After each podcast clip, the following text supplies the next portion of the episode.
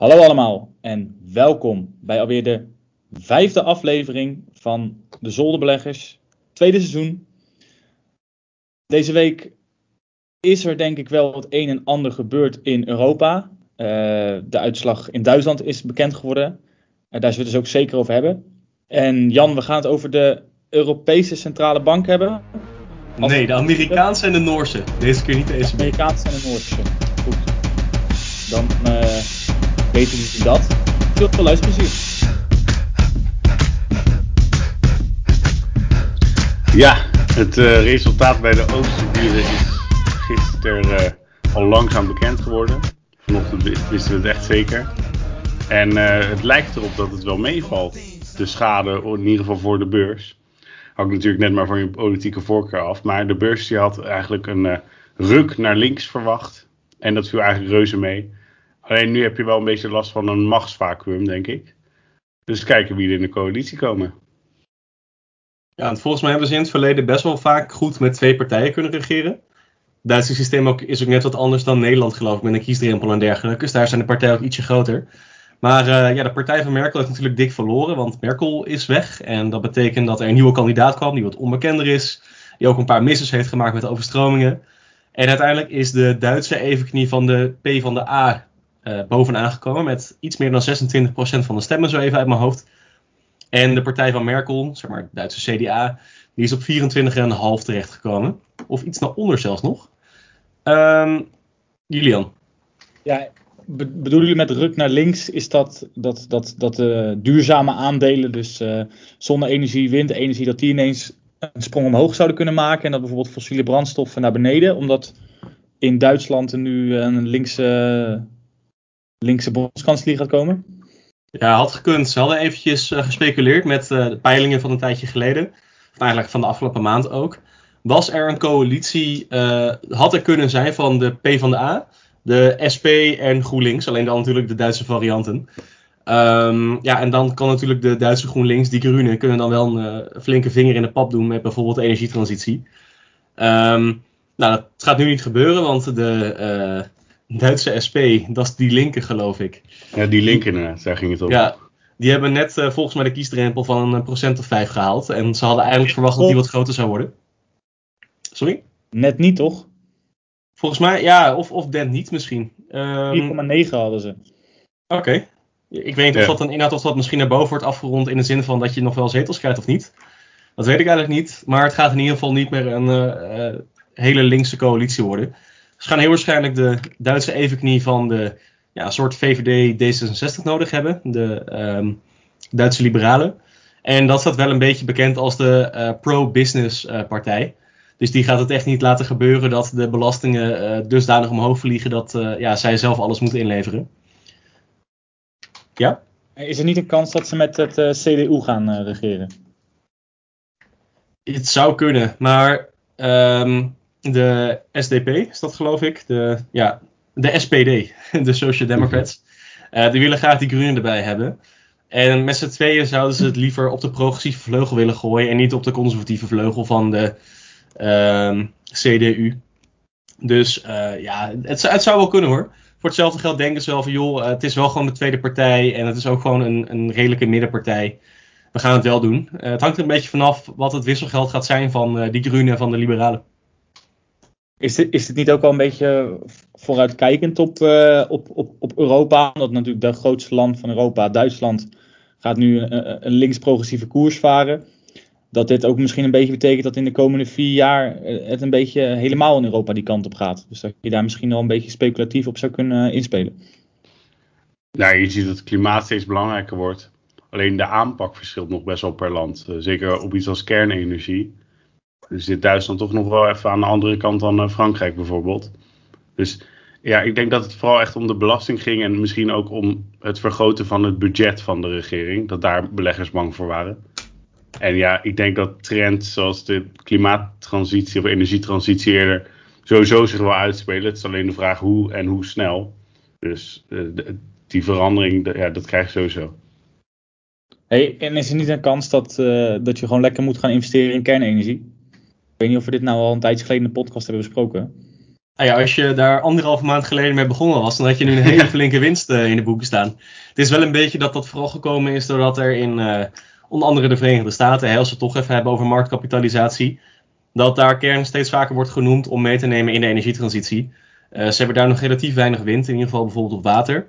Ehm, dus in zee, op meer en dergelijke. Um, en we hebben ook het afgelopen half jaar gezien, hè, vorige week of de week ervoor bespraken we het even, dat het minder wijdt, de eerste helft van 2021. Waardoor Duitsland nu meer, meer energie haalt uit kolen dan uit wind. En dat is natuurlijk ook een uh, ja, goede case voor kernenergie, die dan eh, wat uh, stabieler is misschien in die zin. Um, ja, misschien nog wel even om over af te sluiten. Wat maakt het dan bijvoorbeeld ook uit voor Nederland? Nou, je hebt natuurlijk het gezegde in Nederland: als Duitsland niest, dan is Nederland verkouden. En dat komt omdat Duitsland natuurlijk zo'n grote handelspartner is.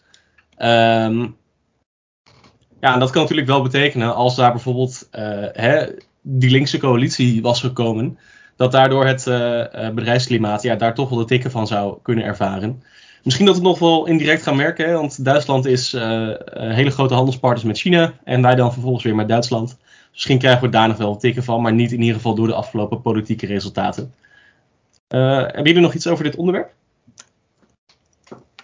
Ja, nou, die vraag over kernenergie. Ik denk dat dat is inderdaad vooral of je er zelf in gelooft. En of jij gelooft dat jij partij een, uh, een vinger in de pap gaat krijgen. Of de partijen in Europa dat dat echt een trend gaat worden. Want bijvoorbeeld Nederland, de meeste partijen zijn volgens mij wel tegen. Maar we exporteren wel heel veel kernenergie uit, of energie uit Frankrijk vanuit kernenergie. Dus dat is ook een beetje hypocriet. Maar ja.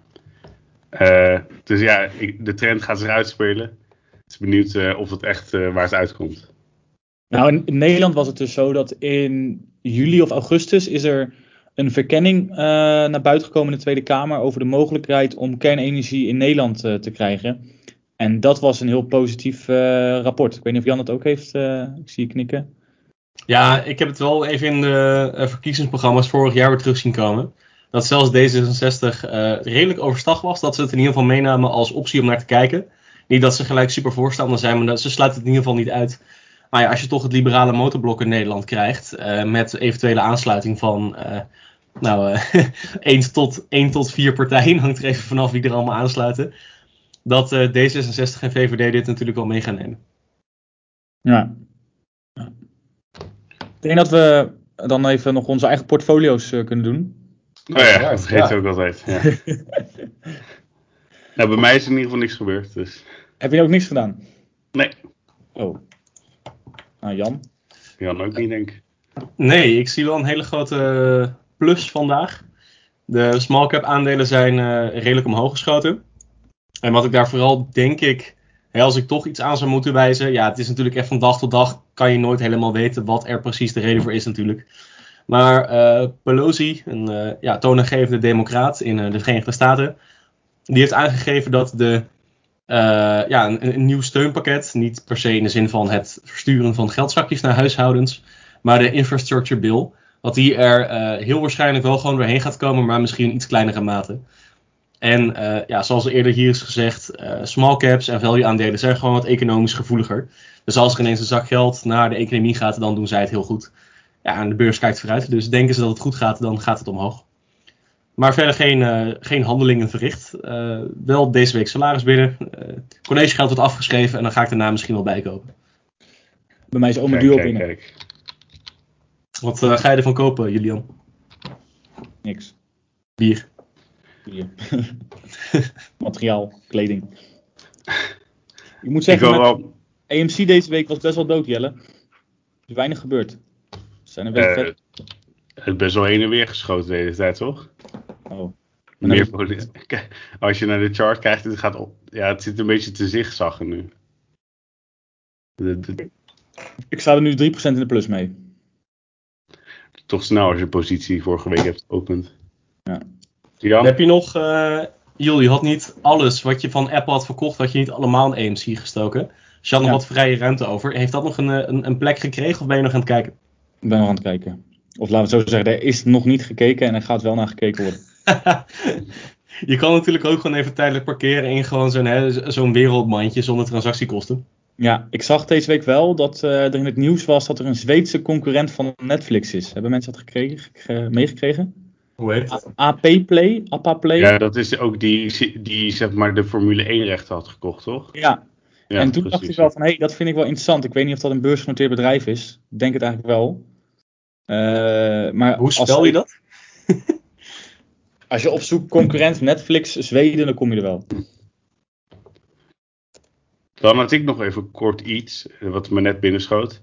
Ehm, je ziet vaak dat als Tesla gaat eh, bewegen, en als de stoomtrein zeg maar gaat, eh, ja, gaat, gaat vertrekken, dat het heel snel gaat. Dus le- let op Tesla de komende tijd. Het zou goed kunnen dat we heel snel op een alternamaai zitten.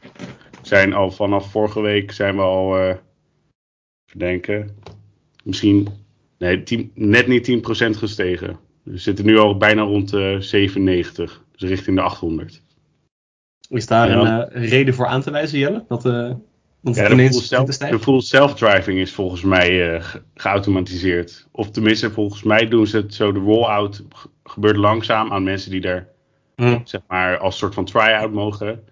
En daarna wordt het voor het groot publiek. Dus het is nog een soort van beta-versie, maar het is nu, komt nu wel heel dichtbij. zeg maar.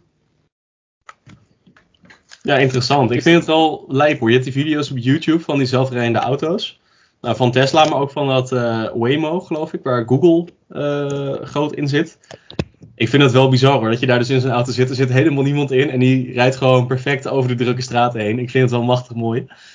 Eh, volgens mij zijn ze nu groot in level 2, level 1 en level 2 geloof ik. Dus dat helpt met eh, ja, een soort eh, cruise control deluxe, maar ook met volgens mij gewoon snelwegen rijden en zo. Ehm, want dan heb je nog daarna nog level 3, level 4, level 5, begreep ik. Ehm, en ik denk dat deze demo is dan misschien level 3 of zo, het volgende niveau. Dat weet ik niet precies. Ik weet wel dat Waymo echt meer als een soort van bus werkt. Je kan dus niet overal st- stoppen, maar je kan bijvoorbeeld zeggen van... ik wil van deze plek naar dit herkenningspunt. Dus je komt dan nooit precies op je locatie, maar als een soort van busstops hebben ze.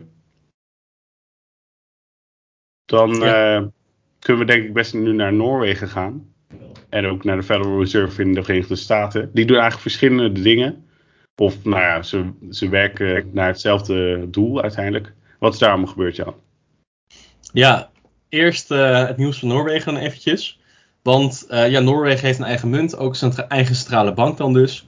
En ehm, nou, ze gaan als eigenlijk een van de eerste, of volgens mij zelfs de eerste ehm, developed market, eh, developed economy, gaan zij de eh, centrale bankenrente omhoog gooien. Ja, dat is altijd wel iets wat ja, gedaan wordt als er geacht wordt door de centrale bank dat er genoeg stabiliteit in de economie en in de financiële markten zit om dat te doen. En in Noorwegen vonden ze dat dus zover. En waarom is het nou zo interessant? Eh, nou, Noorwegen is niet per se een enorm grote speler of iets dergelijks.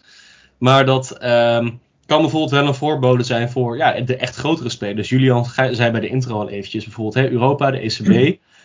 Eh, ja, die is daar nog niet echt aan begonnen. Wel dat ze het terugkoopprogramma bijvoorbeeld eh, terug gaan schroeven en ook ietsje sneller dan sommigen hadden gedacht.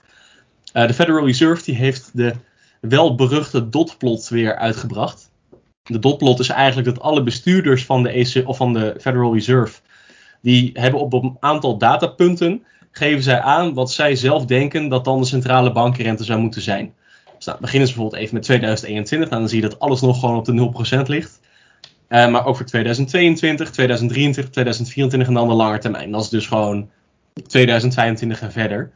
Ehm, ja, wat wel interessant is, waar tot voorheen werd gedacht dat ja, 2022 ook nog niet echt wat zou gebeuren, zegt daar al ongeveer de helft dat ze eh, ongeveer 2 tot 3 rate hikes verwachten. Dus tot eh, ongeveer 50, eh, of een half procent, sorry, 50 basispunten. Ehm, en dat dat in 2023 al bijvoorbeeld ja, overwegend boven de 1% zou zitten. Ehm, nou, dat is best wel eigenlijk een verschuiving. En Jelle, we hebben het er in ieder geval een hele lange tijd al over gehad. Hoe, hoe kijk jij daarnaar? Ja, dit is misschien een beetje het doemscenario, maar ik denk niet dat ze echt kunnen stoppen met het, het blijven rentenieren. Eh, Ik, ik denk dat het nog heel lang zo blijft. Ik weet niet echt hoe ze het gaan oplossen, maar ik, ik verwacht dat dit nog wel telkens wordt uitgesteld. Dus dat we nog best wel lang in deze bizarre markt blijven zitten. Ja, je ziet het ook wel een beetje sinds dat eh, die dotplot naar buiten is gekomen. Dat de eh 10-year bond yield ook omhoog aan het racen is. En, ja, die is zoals- heel hoog, toch? Ja, die tikt bijna de 1,50 aan. En dat is Ja. wel bizar, omdat dat echt gewoon vorige maand rond de 1,30 zat. Dus dat is echt een goede, wat is het, 20% eh, omhoog gegaan. Wat, wat is dat? Ehm, je moet een beetje bedenken, een, een, een obligatie die betaalt een vast bedrag uit. Ehm, en dan kan je dus bekijken hoeveel je ervoor betaalt, gedeeld door wat de vaste yield is.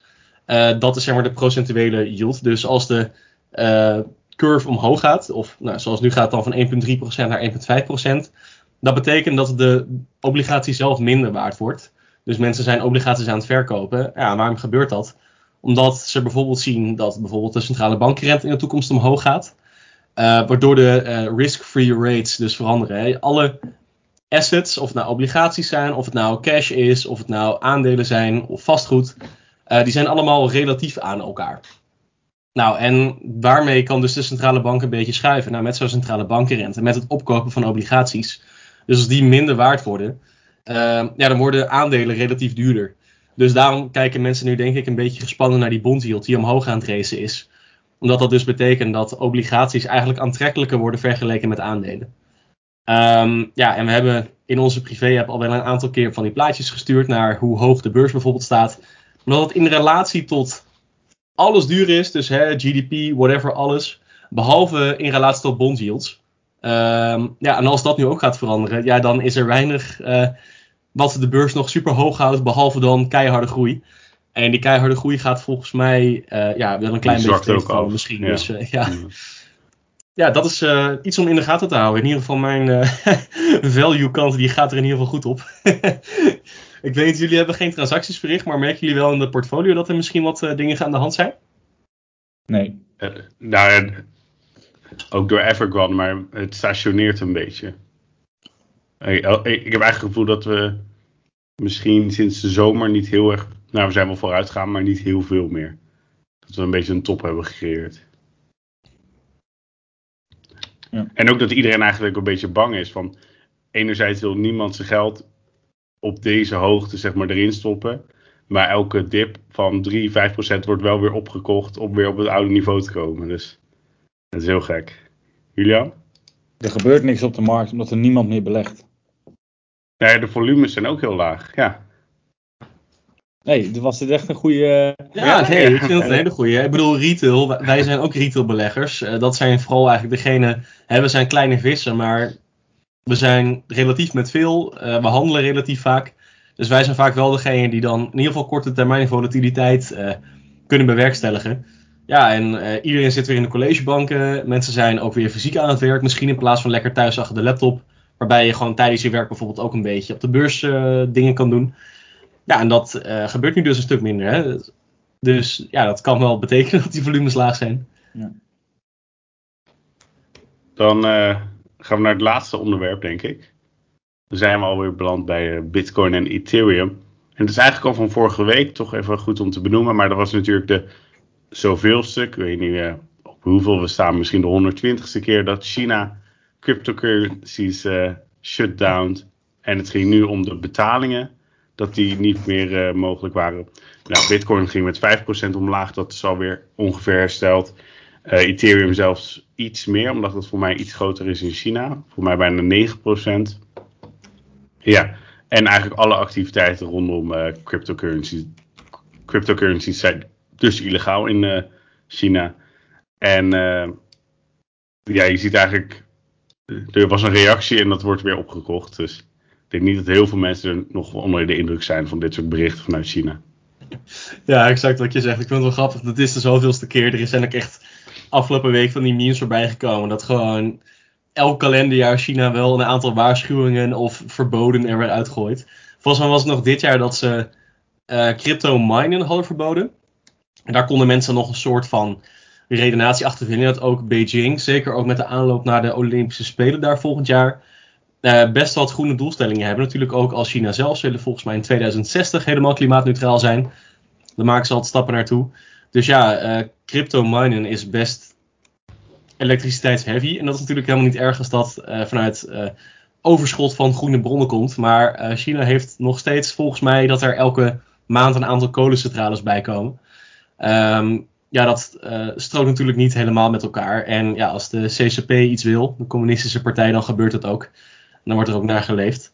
Uh, dat was niet het enige Bitcoin nieuws trouwens. Want er was ook nog uh, crypto nieuws van een Duitse hamster, Julian. Wat dan? Ja, hij had een link gestuurd van een Duitse hamster die de Amerikaanse beurs eruit handelde. Met crypto's. Wanneer heb ik dat gestuurd? Vanochtend, vanmiddag? Was Jelle dat niet? Ik denk dat ik dat. Ja. Oh. ja, om uh, ook te eindigen, dan leg ik het even kort uit. Om te eindigen ook in Duitsland. Maar er is dus een Duitse hamster, Mr. Gox, met dubbel X'en aan het eind. En die is aan het traden. En dat werkt als volgt. Als hij op de hamsterwiel, zeg maar, rent, dan is hij een soort van een cryptocurrency aan het selecteren. Dus uh, Bitcoin, Ether, Cardano, et cetera. Nou, waar die stopt, dat is dan zijn nieuwe, zeg maar, play. Dan heeft hij allemaal van die tunnels natuurlijk, waar uh, hamsters doorheen rennen. Als hij door de ene tunnel heen rent, dan is het een buy signal.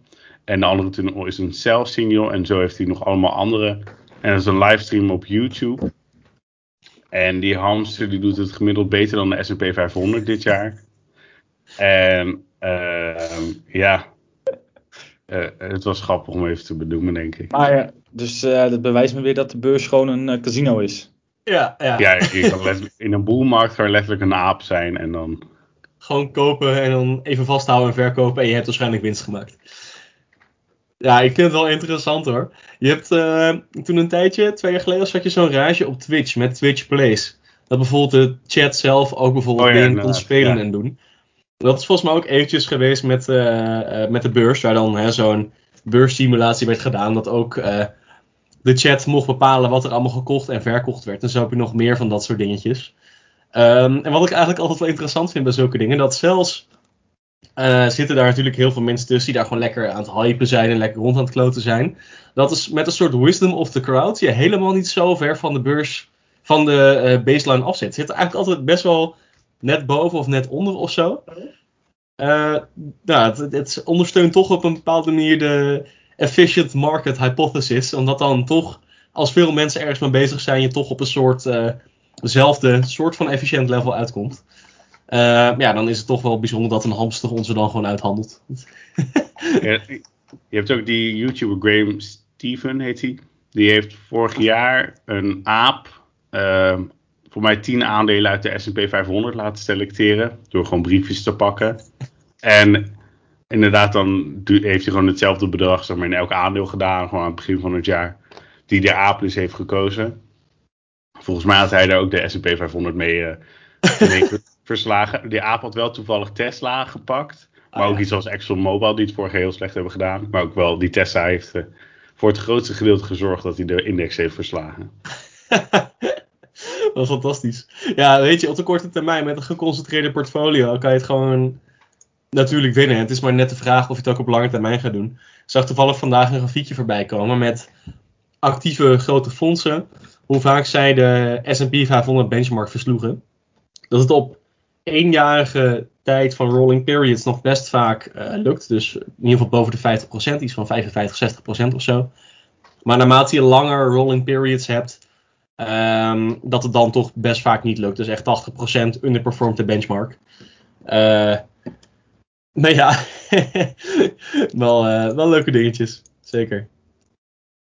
Dan denk ik dat dit, al, dit het al was voor deze week. Er zijn deze week niet heel veel aandelen. Ik bedoel, niet heel veel earnings. Dus ja, het is wachten op een grote storm die eraan komt.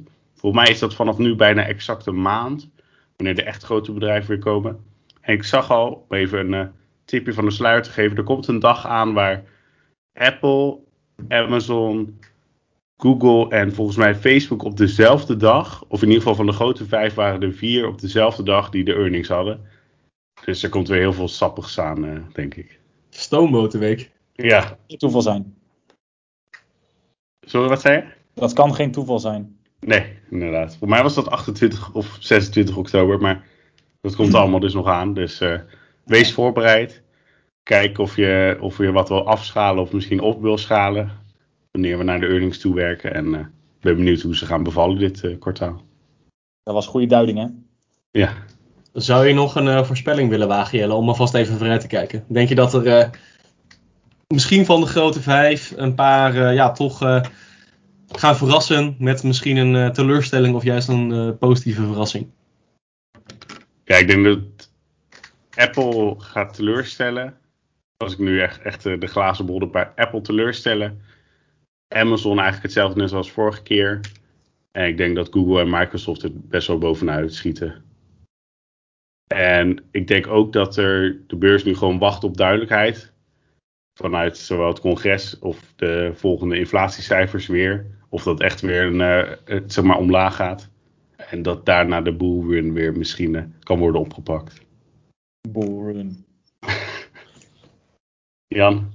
Ja, misschien nog als afsluiter. Ik zag ook veel dingetjes voorbij komen over uh, containerschepen. Die nog steeds voor de havens ja, best wel stil liggen. Uh, ik ben wel benieuwd, vooral bedrijven die dus afhankelijk zijn van import of goederen of iets dergelijks, van overzees. Uh, Q4 komt eraan. Q4 is normaal gesproken het kwartaal waar uh, monsteromzetten en winsten worden geboekt, want hè, dat is kerst. Um, ja, dertiende maandgeld, et cetera. mensen gaan dan veel geld uitgeven. Um, ja, als jij een bedrijf bent die het moet hebben van het verkopen van fysieke producten en je hebt jouw um, warenhuis niet vol liggen, ja, dan kan je best wel de lul zijn. Dus ik ben benieuwd of Amazon uh, daar misschien klappen van gaat ondervinden. Maar ja, ze hebben van die partijen als uh, Google en Microsoft en Facebook, die zijn digitaal. dus die hebben geen leveringsproblemen. Dus ik denk dat daar nog best wel veel zekerheid in zit. Mocht je daar misschien naar op zoek zijn. Maar hè, we zijn uh, aan het einde gekomen. Het is allemaal geen advies natuurlijk. Hè. Doe allemaal je eigen onderzoek. En we willen jullie hartelijk bedanken. Kijk vooral ook nog eventjes op janverrijmig.com. Ik heb al een tijdje niks meer geschreven, maar dat komt er misschien weer aan. En natuurlijk op beleggen met Omoduo op Instagram. En uh, graag tot de volgende met, keer. Niet te verwarren met Van Rijnbach Jan.